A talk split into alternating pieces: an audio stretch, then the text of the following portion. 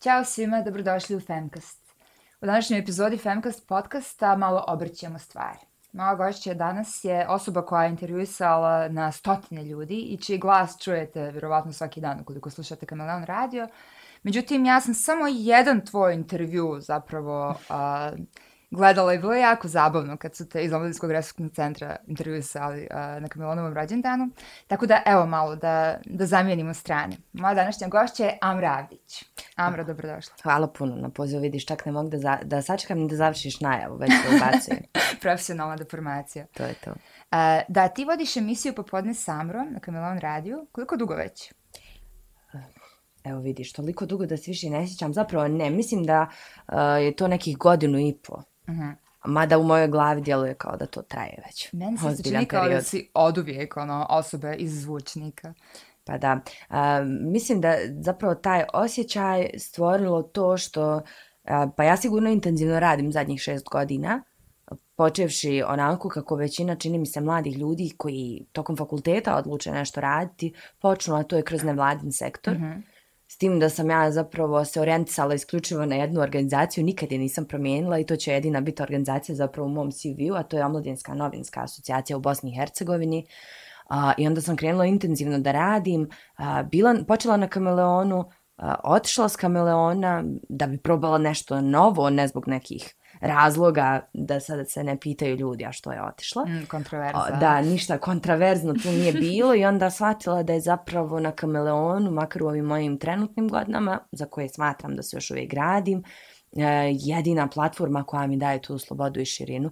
I onda verovatno zbog tog često imamo osjećaj uh, i ljudi oko mene i ja da ja taj program vodim već dugo, dugo baš sam našla na YouTube neki video uh, kad ste radili performance ti i uh, Omladinska novinska agencija uh, u kojem se boriš protiv, onako baš si bila kao aktivistički, pričaš nešto protiv um, tog medijskog mraka i generalno um, netransparentnosti medija. I baš si bila slatka, to je prije možda sedam godina neki video.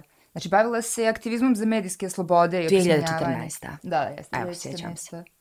Pa jesam, uh, vidi, kažem opet, u tom momentu nekog mog traženja, znala sam ja da će mediji uvijek biti tu negdje.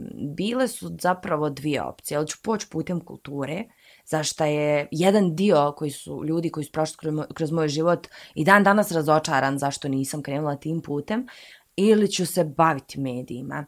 A, I kada se mladi ljudi traže, nešto što sam primijetila, često mijenjaju te organizacije. Zato sam ja možda čak i onako malo s ponosom naglasila da ja te nevladne organizacije nisam tako često mijenjala jer sam znala, ok, um, ne tražim se u tom smislu, znam da hoću da ima veze s medijima, ovo je jedina takva organizacija i um, jedino mi oni mogu pružiti to neko neformalno obrazovanje kojeg nemamo na fakultetima ili ga makar ne dobijamo dovoljno, ali ja bih rekla nemamo. Uh, A šta i... ste tačno radili u toj organizaciji?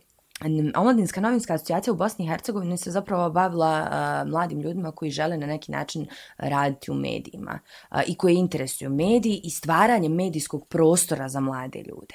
Uh, recimo, kroz Omladinsku novinsku asocijaciju još uvijek postoji. Uh, to je zapravo uh, asocijacija koja je proizašla iz SHL fondacije. Uh, hajde sad ne davim ljude sa svim tim stvarima, duga je priča, ali uh, tu još uvijek traje omladinski časopis Karke. -hmm. Mislim da je sada u digitalnom formatu. Prije kada sam ja ušla u tu organizaciju, to je radilo se u printanom izdanju i po čitavoj Bosni i Hercegovini. Mladi ljudi su pisali, mladi ljudi su distribuirali i sve se nekako vrtilo oko toga. Ali smo često imali seminare na kojem smo učili upravo o, nekom, o nekoj medijskoj pismenosti, o korektnosti u izvještavanju, o slobodi medija. I mogu reći da smo stvarno bili jedna složna ekipa. To što si ti vidjela kao video je zapravo bio moj početak toj organizaciji organizaciji uh, i posložilo se tako da sam nedugo nakon što sam ušla u organizaciju postala uh, koordinator lokalnog tima i onda smo mi gledali na sve načine da se istaknemo i da nas upravni odbor primijeti te asocijacije ovaj, jer je to značilo vjerovatno da ćemo dobiti još više nekih edukacija i bilo je jako zanimljivo, jako lijep period i eh, sjajna prijateljstva su zapravo nastala. Zašto su važne te organizacije za mlade ljude?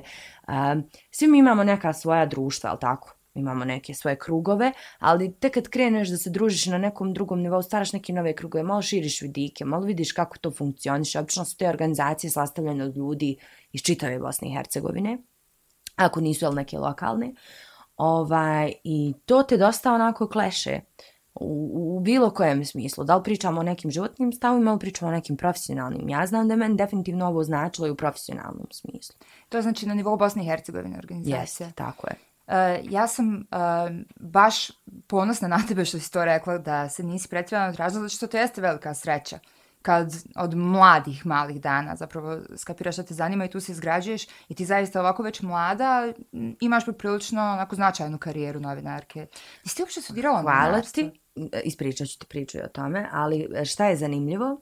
Um, kada sam imala tri godine, u ovom studiju, baš u ovom kojem mi sjedimo, sam rekla da ću biti ili balerina ili ću biti novinarka. Kad si imala tri godine? Tako je. Tri godine, tad je bila, uh, kako se Bože zvala, da li se zvala Šubi Dubi škola ili ovako emisija na Radio Kameleon, ja sam bila redovno. Uh, mi smo čak napravili koncept koji sam ja predložila, tad sam već imala pet ili šest, jer trajalo je to, ovaj, zašto su moji roditelji imali nesebično i ogromno strpljenje. A, I onda sam ja njima predložila da se ja javljam telefonski kao reporter i da ja izmišljam neke vijesti, pa sam ih izmišljala i snimala jer nije baš bilo realno da svaki vikend dođem ovdje. Ove, možda smo se samo htjeli riješiti, pa ajde ono kao telefonski. Um, tako da um, sve je ukazivalo, onda sam rasla, pa sam recimo um, vodila jednu emisiju koja je prvo postala u radijskom formatu na RTV TK, uh, koja se zvala Šareni telefončić. Sve je nešto u tom mom djetinstvu bilo s nekim telefončićima, šta li valjda, zato što su radijske emisije, jel? Pa se onda prebacilo na TV format, pa sam i tu radila. I onda sam, e onda, su, onda me pubertet zdrmao. A me opasno zdrmao pubertet. I uh, to ja kažem, neke stvari da se mogu vratiti u to.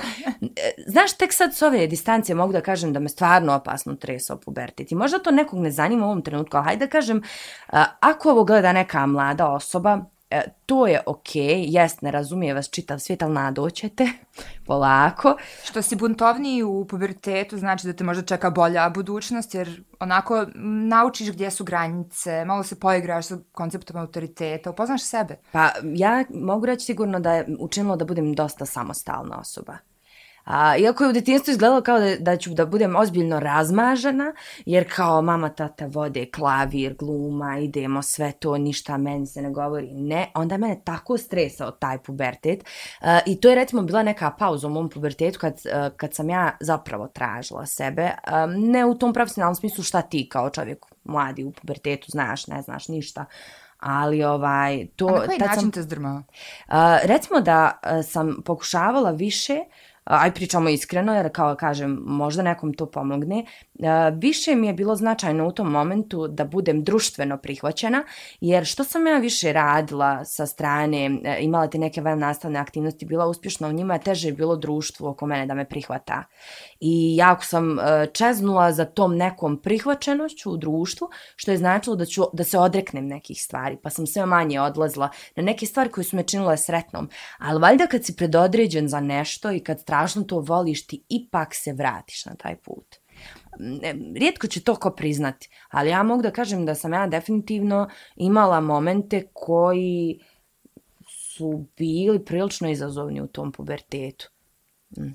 Kao većina djece, nisam ja jedina i to je, nažalost, a, zapravo zbog čega sve ovo i pričam ovako javno, možda se, o, možda bi mnogi rekli, aj baš ta, sad ti pričaš o tome, nema potrebe, razumiješ, ti sad tu gdje jesi, da, ali zapravo to je problem što se ne priča koliko zapravo mladi ljudi čim krenu da se ističu društvo ih gura dole. Da, pogotovo u Bosni i Hercegovini. Da, da. ovaj, glava ide dole čim se malo iznad vode. Uh, I sad od svih medija koje si kušala, to su znači bile TV, radio, pretpostavljam da si pisala i možda radila istraživačko novinarstvo, zar ne? Um, Ili ti je to manje interesantno? Znaš kako, uh, mene uvijek privlačila kultura kao takva, pa i kroz taj medijski prostor da se njom bavim i naravno, kroz godine sam se usmjeravala ka ženama, odnosno stvarima koje ih interesuju. Mada mrzim ovo da kažem na ovaj način. Ne vidim ja tu razliku između stvari koje interesuju žene i muškarce nikakvu podjelu. Nego jednostavno da se bavim stvarima koje su njima značajne za budućnost, ako ćemo da jel, gradimo tu neku svjetliju budućnost. Što se tiče istraživačkog novinarstva, bilo mi je zanimljivo u jednom segmentu, recimo konkretno istraživačko data novinarstvo, ali ajde da ne davim sad ni s tim, ovaj, prošla sam neke edukacije, nešto sam vrlo malo pisala, ali ne mogu reći da mi je to sad ono nešto što mi najviše leži. I završila si na radiju? I završila sam na radiju, za sad. Koliko je to bila svjesna odluka, koliko si se prepustila? Nimalo nimalo svjesna odluka, samo smo, um, kako se to kod nas na Kamelon zapravo uh, dešava, obično je sve horuk, idemo, sad ide, ulazimo u novi projekat i mi imamo jednu internu šalu u kojem si sad projektu, to nam je umjesto dobar dan, ali ovaj bilo je samo jedna kolegica koja je radila ovdje, bilo je vas gdje ulazite u program i mi smo ušle kao, pa ne znam kako bi to uporedila. I to je očajno zvučalo. Ali zaista, očajno, očajno. Mislim, to, tad je meni to bilo super, ali mislim da uh, mi smo dale od sebe najbolje što smo mogle. U tom trenutku nismo ni znali, ni bilo sposobnije za bolje. Ali onda ima stvarno istine u onom da što više radiš i što više soli pojedeš u tom nekom poslu ili sa ljudima, onda ti polako nadolaziš, tačno znaš sam procijent gdje su ti greške. Ja kad sam imala 14 godina također su me tako horuk ubacili na radio Vesta koji je tad postao da vodim neku emisiju i rekli su mi ovo je bio pitch. Samo ti puštaj svoju muziku i pričaj malo o tome što ti slušaš i to će biti ekstra.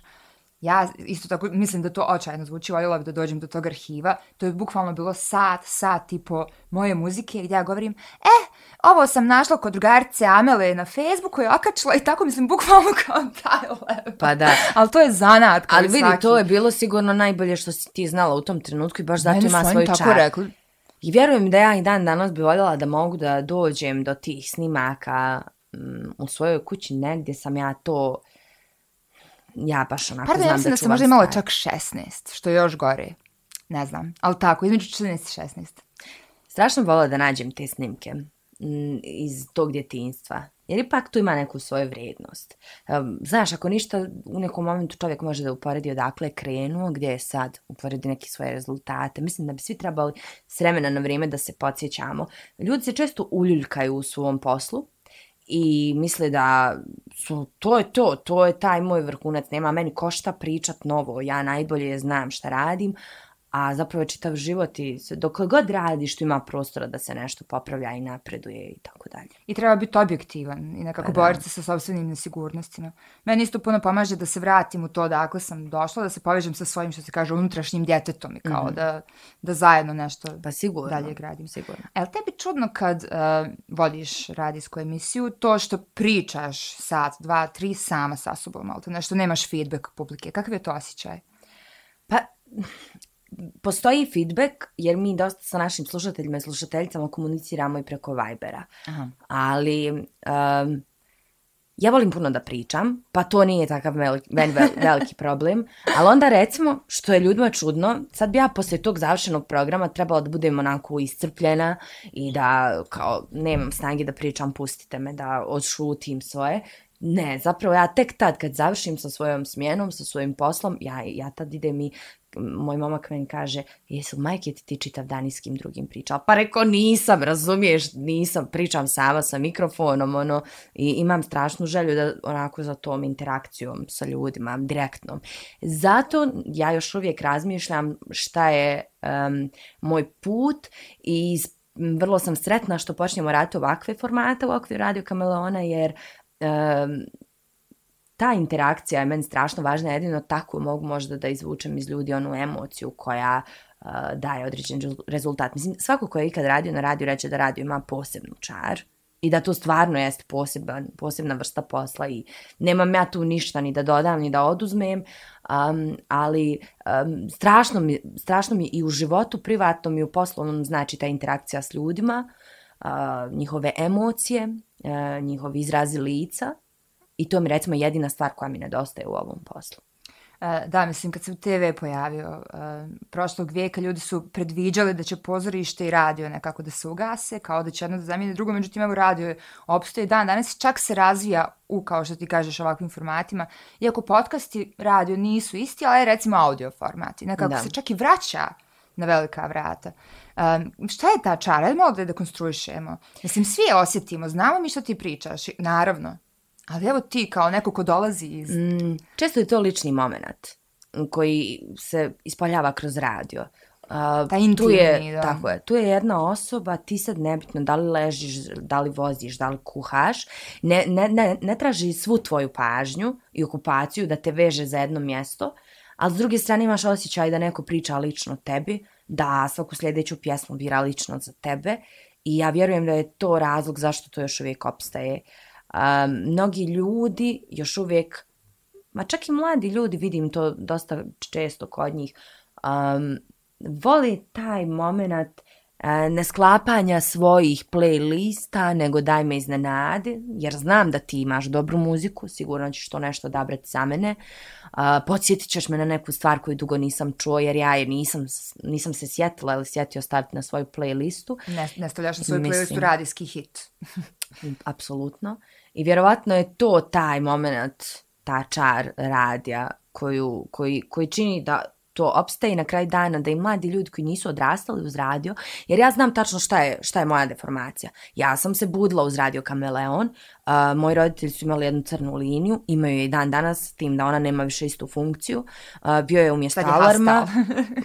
pa stoji tamo negdje i hajde. Ovaj, uh, umjesto alarma uh, palio se radio Kameleon i ja sam uz tu muziku odrastala. Ono što je meni drago da Radio Kameleon još uvijek ima tu neku muziku koja mene emocionalno veže za detinstvo, za to buđenje vikendom uz roditelje, za određene emisije uz koje smo se smijali i taj sentimentalni moment te veže za radio. Nepitno je li se uh, koncept radija promijenio ili nije, svaki radio, ja vjerujem, koji je opstao veliko dugo, iako su rijetki oni koji opstaju koliko mi, ali ima taj moment koji te veže, bacate na neka lijepa vremena, koliko god ova bila lijepa. Lijepa su ta vremena jer vežu nas. Jel, mislim, ajde sad, ja ovako postanem sentimentalna kad se sjećam tih nekih stvari, pa mogu pričati do sutra, ti me prekineš lijepo ali, i mi budemo... Ali uopšte nije ovaj, e, na dobrom se tragu i kod mene je isto to nešto što me veže uz audio format, da li to bio podcast mm -hmm. ili radijska emisija ili online radio, što je sad neki kao hibrid između ta dva taj moment intimnosti, taj, taj moment, da, neke kao nostalgije, kad mediji nisu bili toliko omniprisutni, kad to nije bilo toliko saturisano u ovoj kulturi slike u kojoj živimo, gdje ti stalno nešto iskače na ulici, na ekranima, mislim, gdje god, gdje ovo zaista jeste jedan onako mirniji, puno ljudski način primanja vijesti, komunikacije, dešavanja i tako dalje. Jedino što mi radio može eh, uh, priuštiti kao kad slušam Mm, znači taj, krenula sam negdje, stavim slušalce, slušam uh, neku pjesmu koja u meni stvarno budi neki osjećaj um, da li spokoja, da li mira, da li me podsjeća na nešto, jedino mi to radio može prožiti. Ja kad gledam spot na TV-u, to ne može biti isti osjećaj. Nema tog prostora koji je lično samo moj.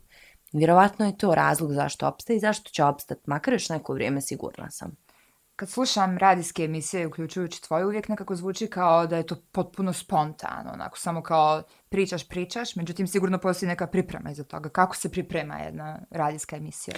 Priprema se na način da mi, uh, konkretno za moj program, sad za, sve zavisi e, koji je tip programa i u kojem dijelu dana ide, pošto je moj poslipodnevni program, uh, mi imamo dovoljno vremena da napravimo redakcijski sastanak za taj dan znači ne dan ranije. Um, vidimo šta su to aktuelne teme, ono što je nam uvijek najvažnije je šta, od čega ljudi mogu da se ili nasmiju, o čemu se priča, uh, ono, na kafama po gradu kad sretneš nekog, um, i naravno šta je najaktuelnije. A, mi smo radio koji nije politički orijentisan radio, u smislu da ima samo te neke stvari. A, više želimo da ljudima budimo taj neki dobar osjećaj, neku pozitivu, neku dobru energiju. Ljudi su i navikli uz kameleon da vežu takve priče. Uh, tako da uvijek gledamo da je više nešto što će zabaviti ljude, ali naravno da ne možemo propustiti ukoliko se, evo, vijeća hoće li se ukinuti policijski sat, naravno da to je informacija. Uh, zato se često radio i sluša, jer zapravo radio je, pored interneta, najbrži mediji. I koliko god, Informacija ide odma, to je to. Ona je za dva sata bajata, kasno je. I koliko god veliki mediji, konglomerati, neki regionalni ili državni mediji e, bili jako dobri za određene priče i određenu vrstu produkcije, opet za pravo istraživačko novinarstvo sve kreće grassroots nekako iz lokalnih medija. Lokalni mediji su jedini koji se zaista pozabave temom dovoljno detaljno da bi je onda, ukoliko je to dobra priča, uzeo neki veći medij. Pa jeste. I... Ali polako umiru. Mislim, barem uh, lokalne novine. Da, da, to se moram složiti. Da, da, da. Nažalost. Mislim, strašno volimo na osjećaj papira u rukama kad čitaš neke stvari. Znam, nije ekološki prihvatljivo, sve mi je jasno, ali opet su to neke te sentimentalne stvari koje su ostale od ranijih dana, pa čovjek ih veže. Ali evo, bit ćemo dobri, nećemo, jel? Ali ti si nekako od, od e, radijske e, ličnosti, koja je, možemo reći, medijska ličnost, iako malo onako na neki drugačiji način, kao tvoj glas je zapravo ono što, što ti predstavlja, ti si postala, barem iz nekog mog, ono, jako ovaj, empirijskog e, iskustva, ti si postala dežurni intervjuista u gradu, kao jako puno vodiš nekih manifestacija, vodiš, moderiraš određene diskusije, razgovaraš sa raznim ljudima. Uh, kako ti radiš na tim, uh, ka, da li ti kuriraš te ljude, da li, ih, da li uređuješ te intervjue, na koji način pripremaš um, intervju? Malo nam dekonstruiši taj zanat. Mhm. Um, razumijem. Vidi, mislim, kao moderator određenih događaja moram treći da um, ne bi ja to sad voljela da zazvuči pogrešno, odnosno onako kako neću, ali uh, tu stvarno mogu i hvala Bogu da imam, odnosno čemu god, uh, mogućnost da biram neke stvari, jer nisam sigurna da bi baš pristala lupam da vodim politički skup određene stranke, koje god, nebitno, nisam sigurna da ih ima dovoljno koji bi pristala da vodim i tako neke stvari, znaš, ono kao to, e, već biram i tu um, zavisi kako se s ljudima dogovorimo u smislu da li uh, dobijem pripremu koju naravno uvijek prilagodim sebi, jer ne mogu tuđe reći iz mojih usta izaći da zvuče prirodno, Uh, ili pišem ja taj tekst. I evo, to je kao s jedne strane, kao završili smo kako to jel izgleda i ovaj, obično se tu odradi par proba i to je to. A sad, s druge strane, što se tiče intervjua, pa vidi, i to, um, mislim da je jako mali broj onih koje sam uradila, a da mene lično nisu interesovali. I to je, evo vidiš, ti si izvukla sad taj moment iz 2014. godine i to je, način, to je moj način rada. E, ja otprilike imam kao da sam na fakultetu, nekad se tako osjetim i onda uzmem sebi par dana prije nego što ću s nekim razgovarati, ako mi vrijeme to dozvolja, ako nije nešto udarno, aktuelno. Uh, I onda pregledam sve šta su ti ljudi pričali, uh, sa kim su razgovarali, šta su pisali, uh, št, možda da dođem do nekih ljudi koji su njima bili važni, koji su ko, za koje znam da bi mogli nešto reći o tim ljudima. I otprilike tako izgleda jedna priprema i onda ja slažem pitanja po onom što mene interesuje. Um, možda nije dobro, ali ja biram da bude tako, da ja obično svoje sagovornike, obzirom da nisam izabrala put uh, sučeljavanja sa sagovornicima, nego da sam izabrala put koji je, uh, ja želim da pričam lijepe priče. Ja želim da pričam priče koje će nekom eh, uh, pomoći u nečemu uh, i to je taj moj neki koncept rada, onda rijetko kad ću, osim ako stvarno ne osjećam odgovornost uh, da postavim neka pitanja, a ima mogućnost jer je preko puta mene osoba na koja, koja može odgovoriti na njih, uh, obično ne izlažem svoje sagovornike neugodnoj situaciji. Um, ne zato što se bojim i ako niko nije pot, ako neko nije potkupljen nije radio kameleoni mi imamo što se tiče naše uredničke politike veliku slobodu ali um, uvijek to ponavljam svojim sagovornicima a to sam čula od jedne jako pametne žene koju strašno cijenim. Ljudi obično kad dolaze na razgovor s nekim uh, polaze sa uh, stajališta negativnih očekivanja. Uh, uvijek razmišljamo o tome da nas je strah da će nas možda ta osoba na neki način izvrnuti nekom ruglu i smijati, da ćemo pogriješiti pa da će nam se onda svi koji to budu gledali smijati. I ja onda uvijek, uh, to mi je postala ono neka nova, no, nova rutina i nikad ne idem sa novim ljudima s kojima ranije nisam radila da im to ne kažem. Nemojte se brinuti, ovo je razgovor, jedan opušten razgovor u kojem možete da mi kažete baš sve i neće biti zloupotrebljeno.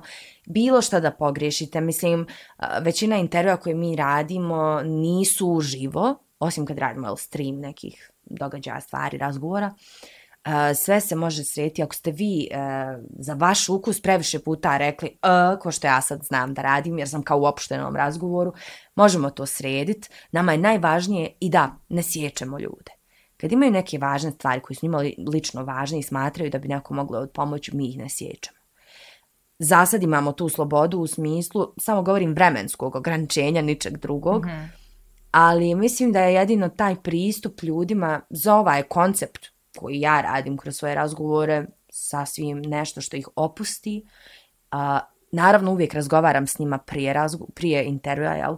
Uvijek imamo makar pola sata da ulovimo, a, to, toliko da ih opustim i da onda mi već krećemo u taj intervju kao ozbiljni prijatelji, poznanici, šta god i dosta se ljudi lakše otvaraju. I opet kažem, kad kažem otvaraju, ne mislim da, aha, idem lešinarski na to, sad će se oni meni otvor, pa će biti suza, pa će biti ovog, pa će biti onog, dešavalo se, ali to nikad nije bilo ciljano izazvana emocija, nego nešto što je išlo prirodno, zato je brzo i prolazilo i zato je brzo dolazio i smijeh posle tih suza i eto, ja mislim da radimo neke kvalitetne stvari.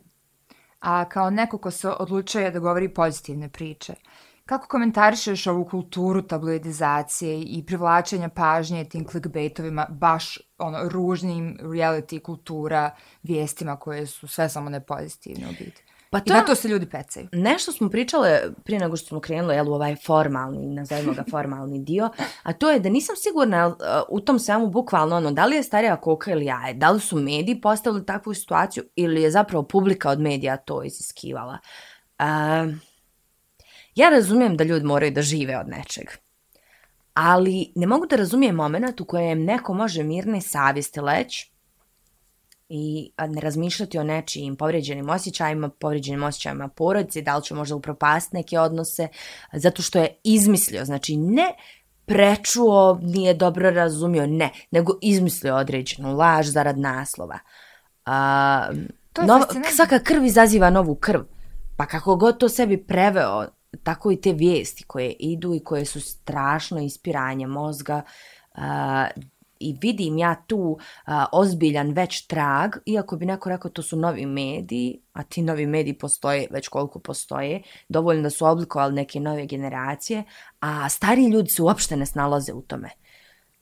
Uh, vidim da ljudi uh, ne znaju više da razluče šta je recimo napisao satirični portal. Mm -hmm ne prepoznaju, nemaju tu razliku, pa onda zato imamo hiperprodukciju um, svih tih vijesti stoji, ali ljudi koji smatraju da su kroz vakcine ubačeni čipovi, da ne znam, nijako zna šta. Mi se sad odmah razumijemo, poštujem ja stavove bilo koga ko bude gledao ovo.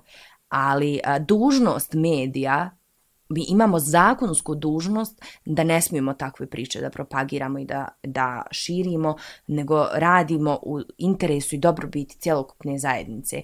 A takvi tekstovi sa čipovima, sa 5G antenama, pa ne znam da li ti znaš da su nama ljudi htjeli srušiti našu antenu od radija, signal, Mis, go, jer je neko objavio kao uh, postavljaju se 5G antene, naša antena stoji godinama, ne znam koliko, ali ljudi su kao spremali se, organizovali proteste kao Facebook grupa da idu rušiti naš, tu mislim, Razumiješ me, o čemu dalje da pričamo? Potpuno te razumijem i mislim da je baš uh, sad COVID ukazao na ogromnu problem medijske nepismenosti. Ne samo u Bosni i Hercegovini, na cijelom svijetu. No, sigurno, ali da. pogotovo u regiji gdje su mediji strašno neregulisani, gdje imaš medije koji, gdje potpuno ima onako medijski mrak i propagandni su alat i onda s druge strane medije koji su potpuno nezavisni u smislu nemaju nikakvu vrstu kontrole. I meni je to fascinantno. Kako neko može da napiše neku gnusnu stvar za bilo koju ono, zvijezdu, estradnu ili što god, koja nije istinita i za koju ne postoji nikakav background ili bilo kakav dokaz, dok s druge strane, ukoliko napišeš nešto protiv nekog političara, što je možda tačno i za što imaš neku vrstu dokaza, on može da te tuži za klevetu ono, i da dobiješ tri godine može zatvora. Može da te tuži, a vrlo brzo takvi tekstovi, ako se neko slučajno zaigrao novinara, pošto se mi, jel, trebali smo se igrati države, pa se neko možda i zaigra novinara, pa onda objavi nešto što ne odgovara nekom, vrlo brzo to i nestane. I onda ljudi ulaze u medijskom svijetu u, u autocenzuru, da više nisu čak ni potrebni ti urednici, nego on rađe neće ni objaviti, ma neće on ni pitat mogu li ja to objaviti, zašto? Bi se trudio, vrlo vjerovatno da ne mogu, onda se te stvari preskaču i mislim I nasilje Strašno. prema novinarima je stvarno strašan problem. Mislim, to nisu male kazne. Nije to samo kao neko ti skine tekst ili nešto slično tome, nego ljudima se pale kuće, otimaju djeca, stavljaju bombe pod auta. Ljudi žive u potpunom strahu i ono, teroru, samo zato što govore istinu, to je strade svoj posao. U Srbiji je kritična situacija. S druge strane, Da. nekad razmišljam, možda i kod nas takva situacija, nego se ljudi, čak i kojima se to desi, toliko boje svega ovoga i bespomoćnosti svoje vide, bespomoćnost da čak ni to ne izlazi u javnost.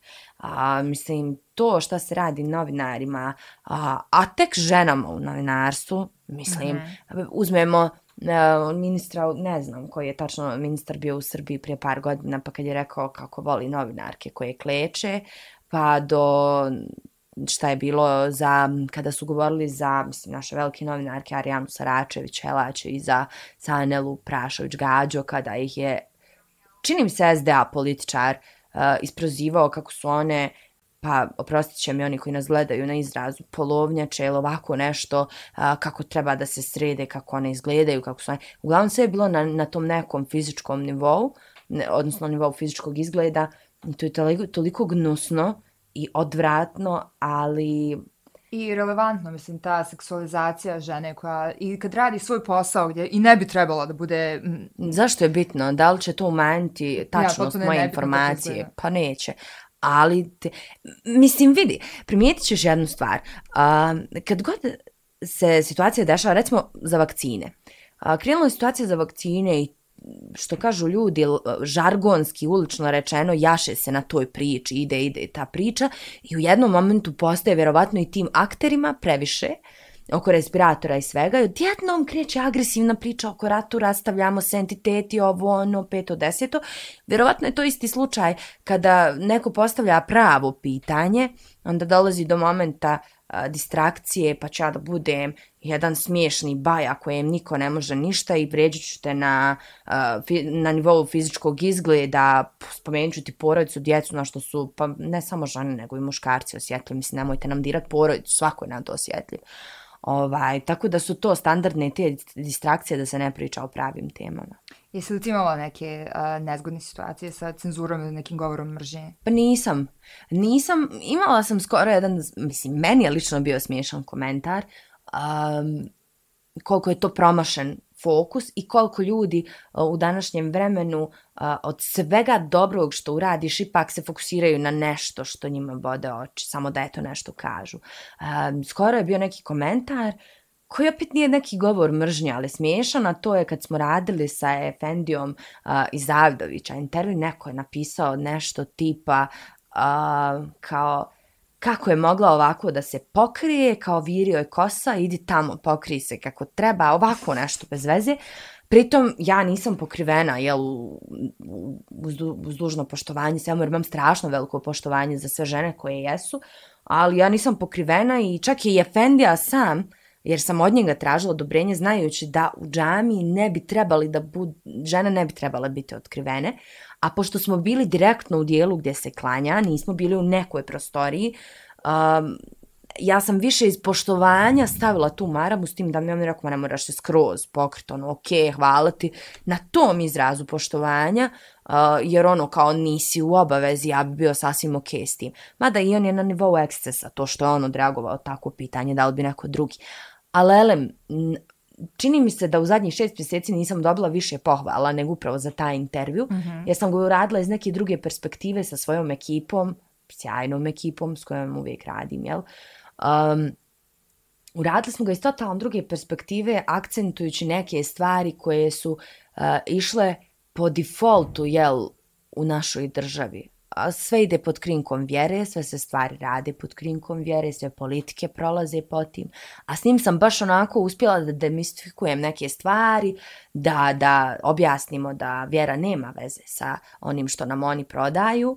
Uh, i, I kažem, stvarno je bio, ba ja sam baš onako ponosna na taj intervju. I eto, opet se nađe neko ko tako nešto kaže.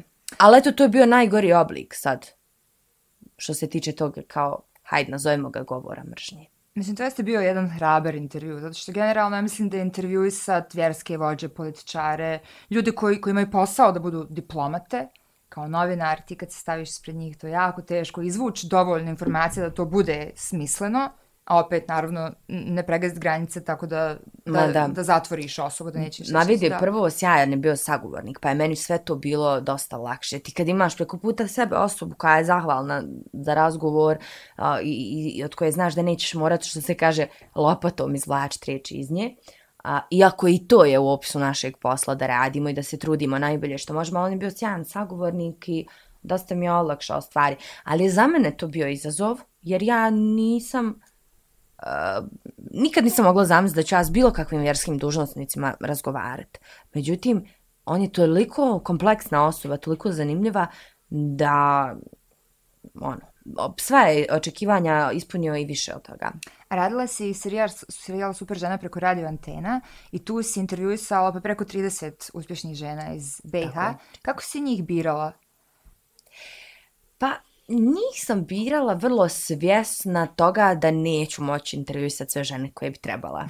Recimo da je to glavna stvar. S druge strane, e, jako mi je bilo važno da to ne budu žene koje su već kontinuirano u medijima. Ima ih takvih jer zaslužuju prostor ponovo da pokušam ja na svoj način da izvučem neke stvari koje nisam čula kada su radile intervjue s drugim ljudima, ali da su to žene iz različitih profesija, koji su prošle različita iskustva i otprilike smo se mi isto tako na nivou redakcije i na nivou preporuka od drugih ljudi odlučivali s kim ćemo raditi. Naravno, na nivou toga ko, ko pristane. E, nismo imali nešto slučajeva da nas je neko odbio. Uh, za, Ma, mislim, mi smo bili onako zanimljivi kad se pojavimo, jer smo bili ekipa u kojoj sam ja bila među najstarijima, a u tom momentu sam imala 25 godina. Sad zamisli, kad se mi pojavimo i onda su nas ljudi zvali pilićima i sad idu pilići i nose rasvjetu, nose kamere, postavljaju se oni sve, vi ćete ovako, vi ćete onako, ajte molim vas samo taj ugao. Mislim, to je stvarno izgledalo legendarno i zanimljivo.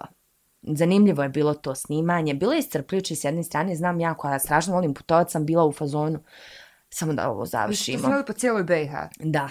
I otprilike smo na svake dvije sedmice išli, onda smo gledali da vežemo recimo u Sarajevu dvije, tri uh mhm. -huh. zagovornice ili da vežemo Sarajevo, Mostar, pa ako idemo u Banja Luku, pa da vežemo sa još nekim mjestima tamo. Da, da, produkcijski da bude što je to, efikasnije. Ali, ovaj, ali bilo to jako zanimljivo, bilo je razno raznih situacija, bilo je emocija raznih. Ma mislim, super stvar. Koji je bio stvar. cilj predstavljanja svih tih žena. Da one ispričaju svoju priču, nešto što je često, što je zapravo i cilj e, festivala, ali na način da, ne da one daju savjete i preporuke, uputstvo kako treba mlade žene da rade u svom životu ako žele nešto da postignu, više onako kao, evo to je bilo moje iskustvo i kad sam, kad sam se skliznula na nekoj e, stepenici tog puta, digla sam se na taj način. Pa sad, hoćeš li iskoristiti, će ti biti inspiracija za nešto tvoje drugo, to je sasvim ok. Ali uvijek bilo ako jedna emisija, isto kao i za festival. Ako samo jedna emisija jednu ženu motiviše, nebitno u kojim godinama, ili inspiriše na bilo šta, to je to. Mi smo tu postigli cilj. Kad si već sad spomenula festival, mislim da moramo da počnemo sad da pričamo o festivalu, znači ti si, pored toga što radiš kao novinarka i voditeljica, ti si PR menadžerica festivala Savremene žene. Pa da, mislim, to mi je kao oficijalni naziv, ali mislim da smo mi svi u čitavoj organizacijonoj ekipi sve. Ono, svi radimo, sve svi pomažemo svima i to ne bi drugačije ni funkcionisalo, jer veliki si, je to zalogaj. Ti si definitivno neko ko je već dovoljno dugo u to, toj core organizaciji festivala Ajde, i znaš sve što početka, bi moglo da, pade na pamet da te pitamo o festivalu. Da, da, da. E, tako da idemo sad s prepostavkom da ljudi koji ovo slušaju gledaju pojma nemaju šta je festival savremene žene, pa pokušaj da nam objasniš. Šta je festival? Dobro. Festival je jedno mjesto na kojem kad dođete ta tri dana, pogotovo ako niste iz Tuzle, nego dođete ovdje na odmor, na jedan ozbiljan odmor, na ozbiljno dobru zabavu, jer moram to da kažem, to je uvijek nepravedno zapostavljeno, to kako se mi dobro zabavljamo, a najvažnije od svega, ono što su uh, dokazane stvari, da ćete vrlo vjerovatno naći makar jednu ženu s kojom ćete ili sklopiti posao, ili koja će vam biti mentorca da te, tek pokrenete svoj prvi posao i gdje ćete naći prijateljstvo za čitav život. Neke žene ne mogu da se nađu na pola nekog svog puta da se susretnu pa se dogovore da dođu obje na festival da bi se vidjela i da bi se opet družila jer mi je bilo sjajno prošli put jer su nastala neka fenomenalna prijateljstva. Sve je nekako koncipirano da su to žene iz različitih sfera života.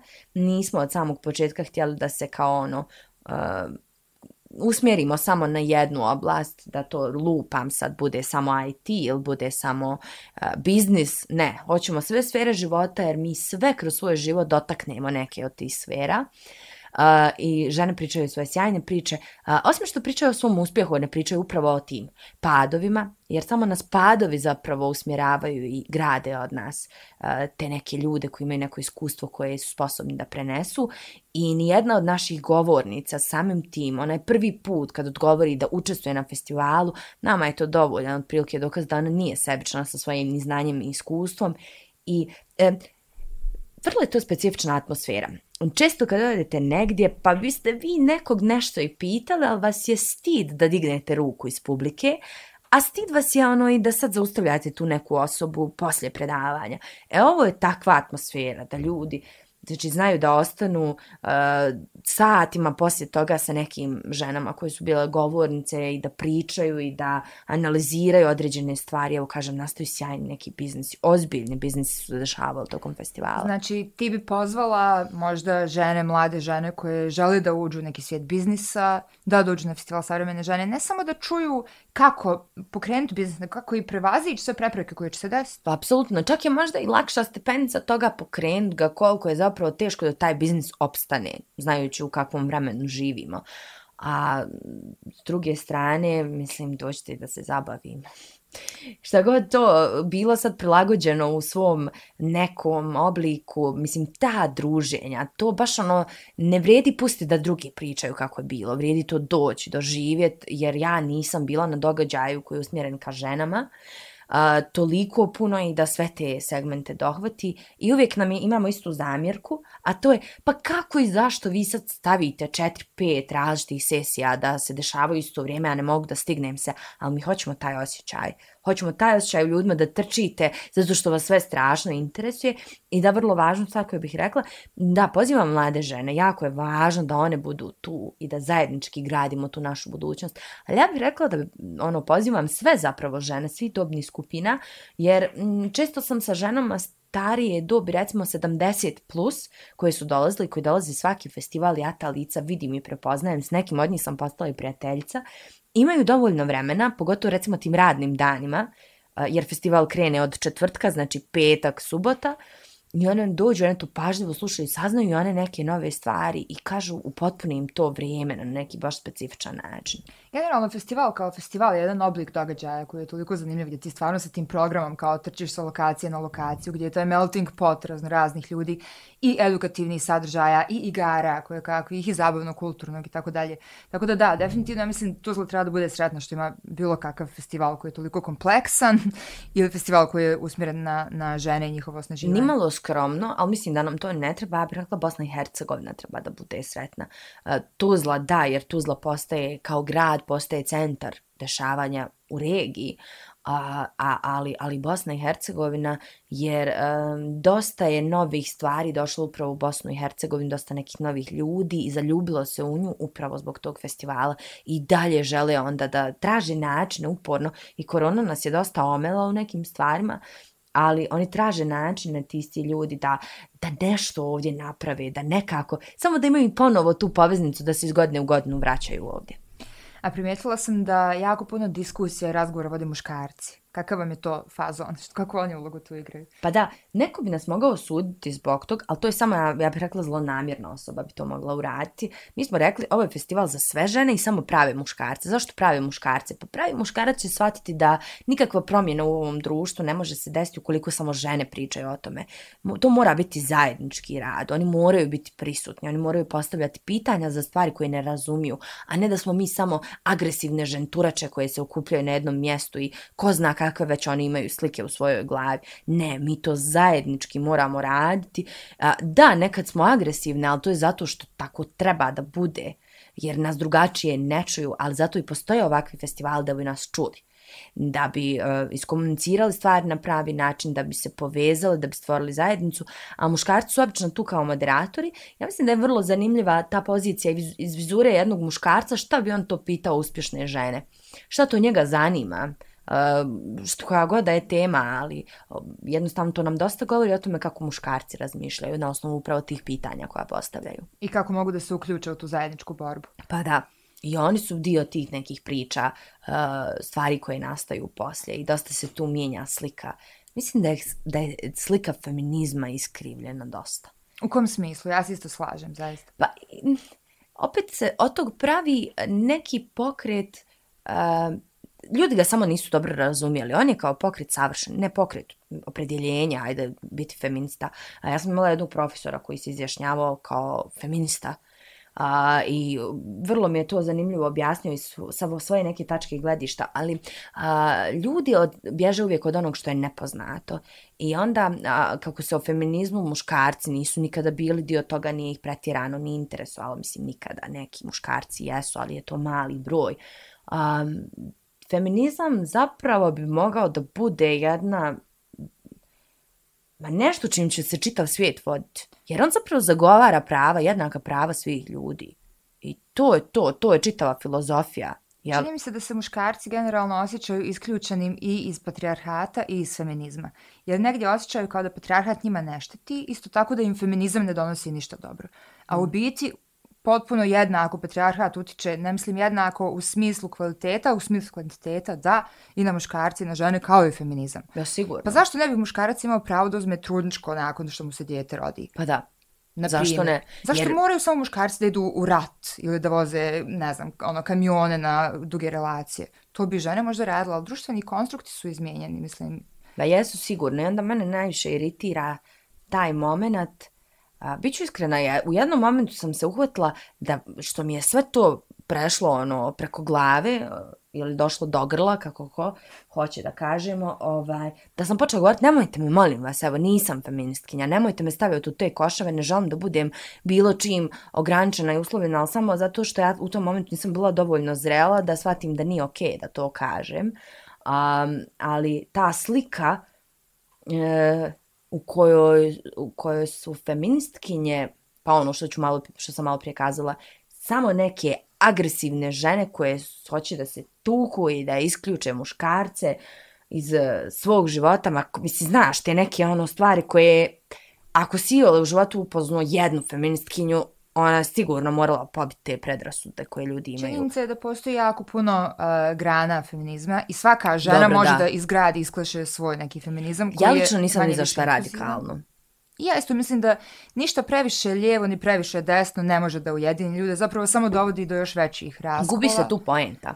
Da, ja isto nisam ideologistinja kao, kao takva da, da, i ne bi se kao išta konkretno deklarisala, ali definitivno mislim da u određenim trenucima na određenim mjestima određena ideologija je potrebna kao lijek, kao što je sad feminizam. Pa slažem se. Moglo, moglo, bi, se, moglo bi se složiti s sobom. Kažem, samo ja ne volim stvari koje su radikalne, naravno, nikad, da, da. ni u čemu, ni za šta.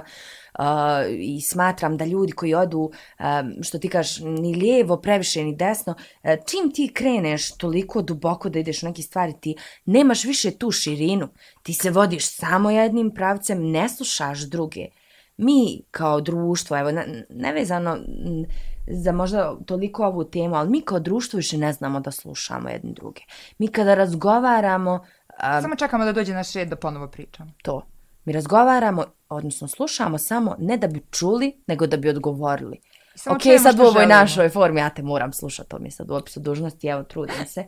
Ne, no, zapravo baj. više je moja dužnost za tebe slušam ovaj put nego ti mene, ali da... Pa dobro, hajde, dobro, ide nam to, plovimo, ali ovaj, ne, to, to, to je glavna stavka koja mislim da bi puno stvari promijenila.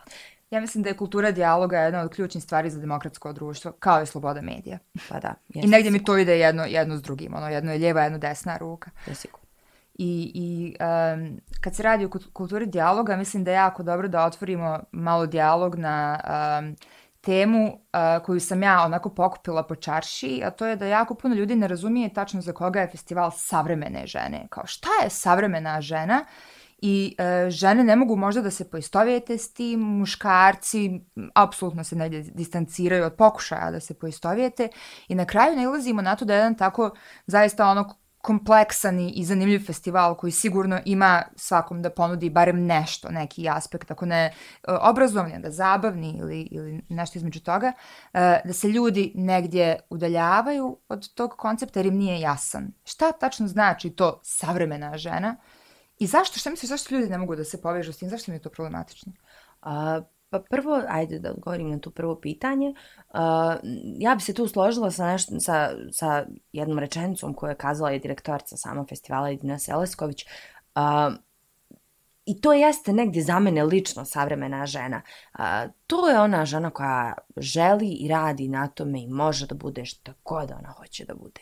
Ali stvarno, Jedino je to savremena žena, jer valjda smo, ako ništa, sve ove borbe za naša prava, za sve, sve, sve, sve ove stvari, ako ništa drugo, borimo se sa svim ostalim problemima, ali makar možemo da izaberemo šta želimo da budemo. A festival je tu da prikaže raspon toga koji su sve izbori mogući. I raspon i, i raskoš, ostvaruju. jer ma čim god, čim god se bavile, bile a, domaćice, poljoprivrednice, a, učiteljce, da, učiteljice, kao jedno od najplemenitijih zanimanja. zanimanja. Ovaj, nije to, ni, e, možda ljudi zapravo, nije ni problem toliko te savremene žene, koliko im je diskutabilno pričamo uspješne priče. Mm -hmm. I onda one, e, a šta ja sad, ja sam, uzet ću za primjer, pošto smo rekli koliko je to važno zanimanje i plemenito učiteljica, ja sam učiteljica, šta je sad tu uspjeh? Pa kako nije? Koliko je generacija ona izvela.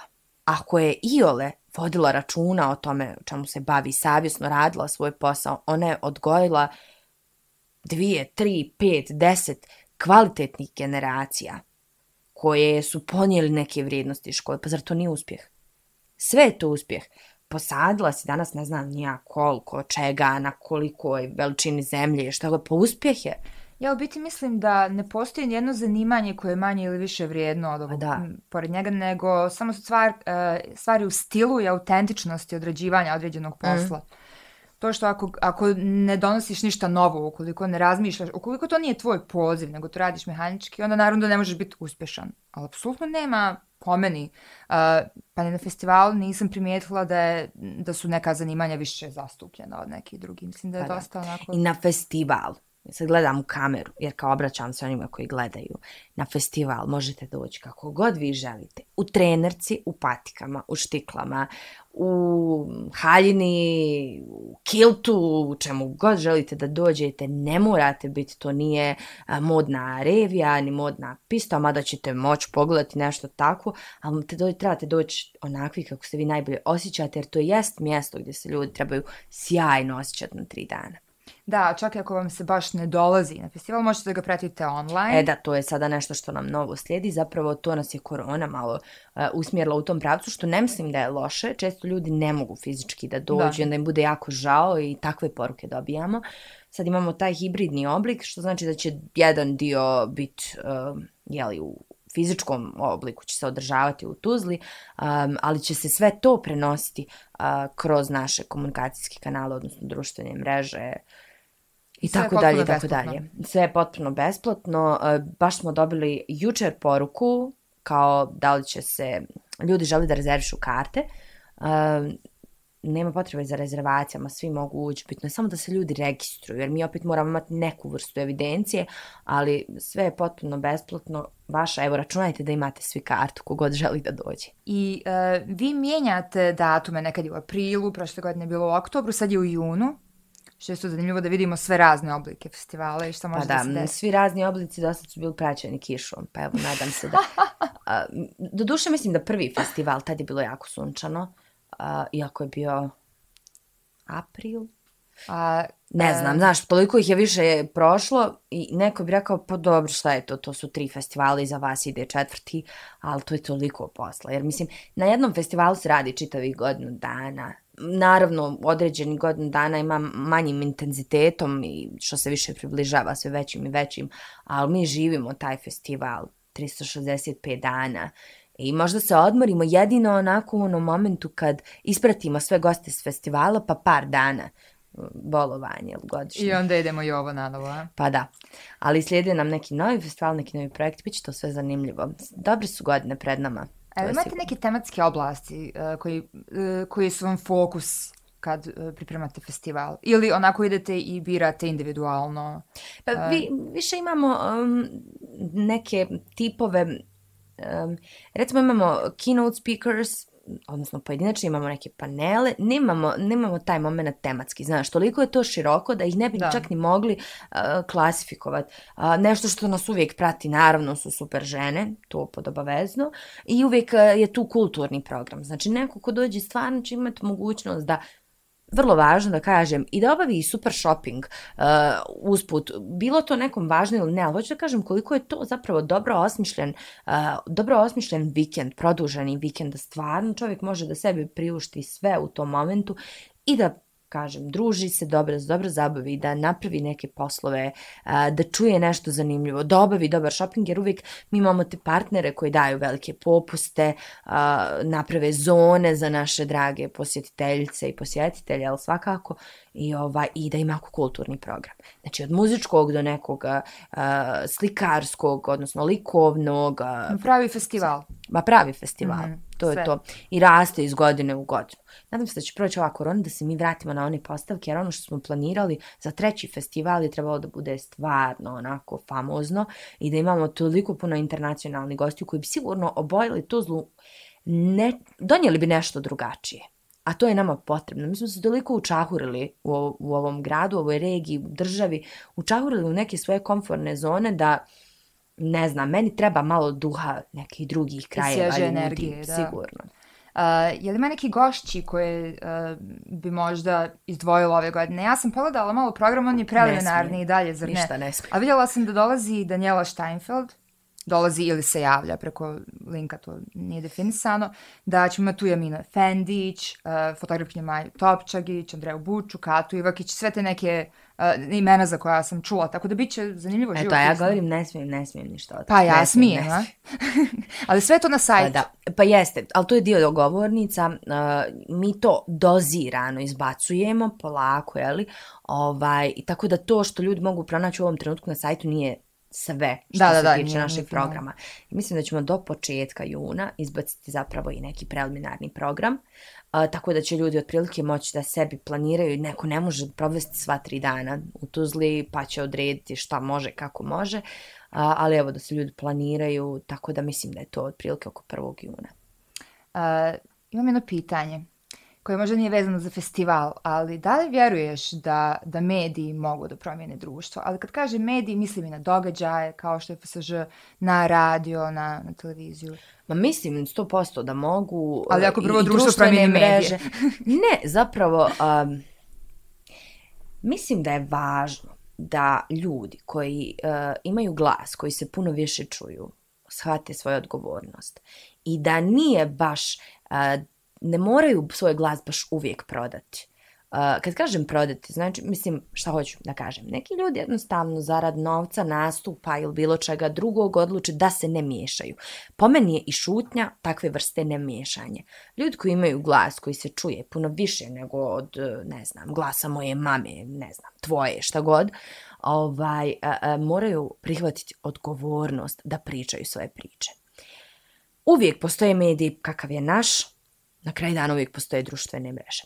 Mislim da je jedan školski primjer toga svega, iako vrlo sam ja svjesna mašinerije koja, kada je, kada je reč o američkim izborima, svjesna sam ja te mašinerije, ozbiljnih kampanja, ozbiljnih ljudi koji rade, ali hajmo uzeti u obzir da su upravo velike pop zvijezde učinile situaciju onakvom kakva je se desila na posljednjim američkim izborima ljudi sa uticajem, influenceri. OG Bilo koje vrste. Mm. Bili oni pjevači, slikari, pa youtuberi, šta god, nebitno.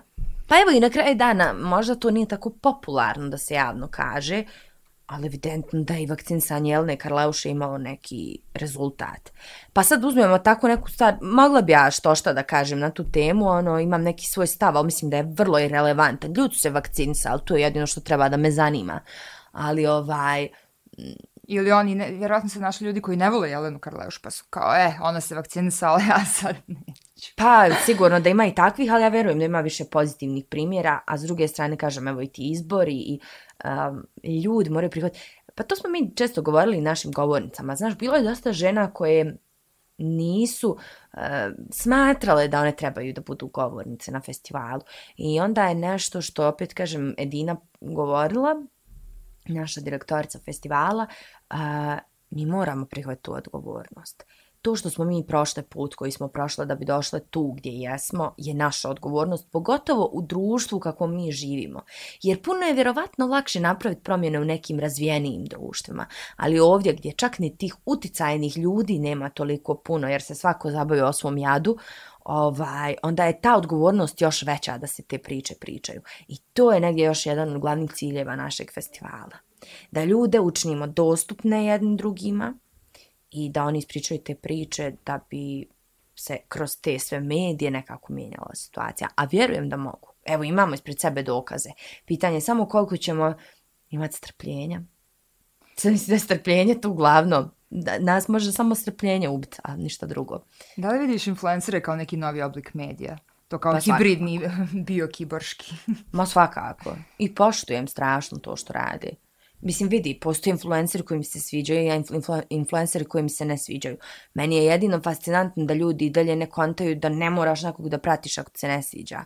Tvoj komentar već nije u redu. Da, ti postaješ urednik sobstvenog medijskog prostora. Da to, ali recimo ja kao konzument određenog sadržaja, otkud meni zaista pravo, samo zato što je to društvena mreža što je neko odlučio da se izloži, ja baš imam pravo da mu bilo šta napišem. Pa nisam sigurna. Uh, nisam sigurna ni da bi bili tako hrabri, neko je to super rekao, ali vidiš, ne, puno stvari konzumiram, jel, što se tiče tog sadržaja, pa ne mogu vidjeti da se sjetim. Neko je super rekao, nisam sigurna da bi bilo baš dovoljno hrabra da ti to kažu na ulici. Nisam sigurna da bi ta ista osoba bila dovoljno hrabra da mi kaže na ulici da se nisam dobro pokrila. Pa cyber prostor je zapravo prostor u kojem ljudi imaju tu sigurnost i opuštenost da izraze sve svoje frustracije, da puste sve svoje unutrašnje demone i to je njima terapeutska. No nikak bude žao tih ljudi koji... Ali mi je super ova nova opcija.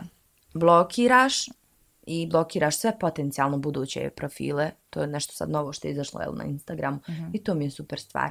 Um, mislim, vidi, uvijek ima ta opcija unfollow ako ti se nešto ne sviđa.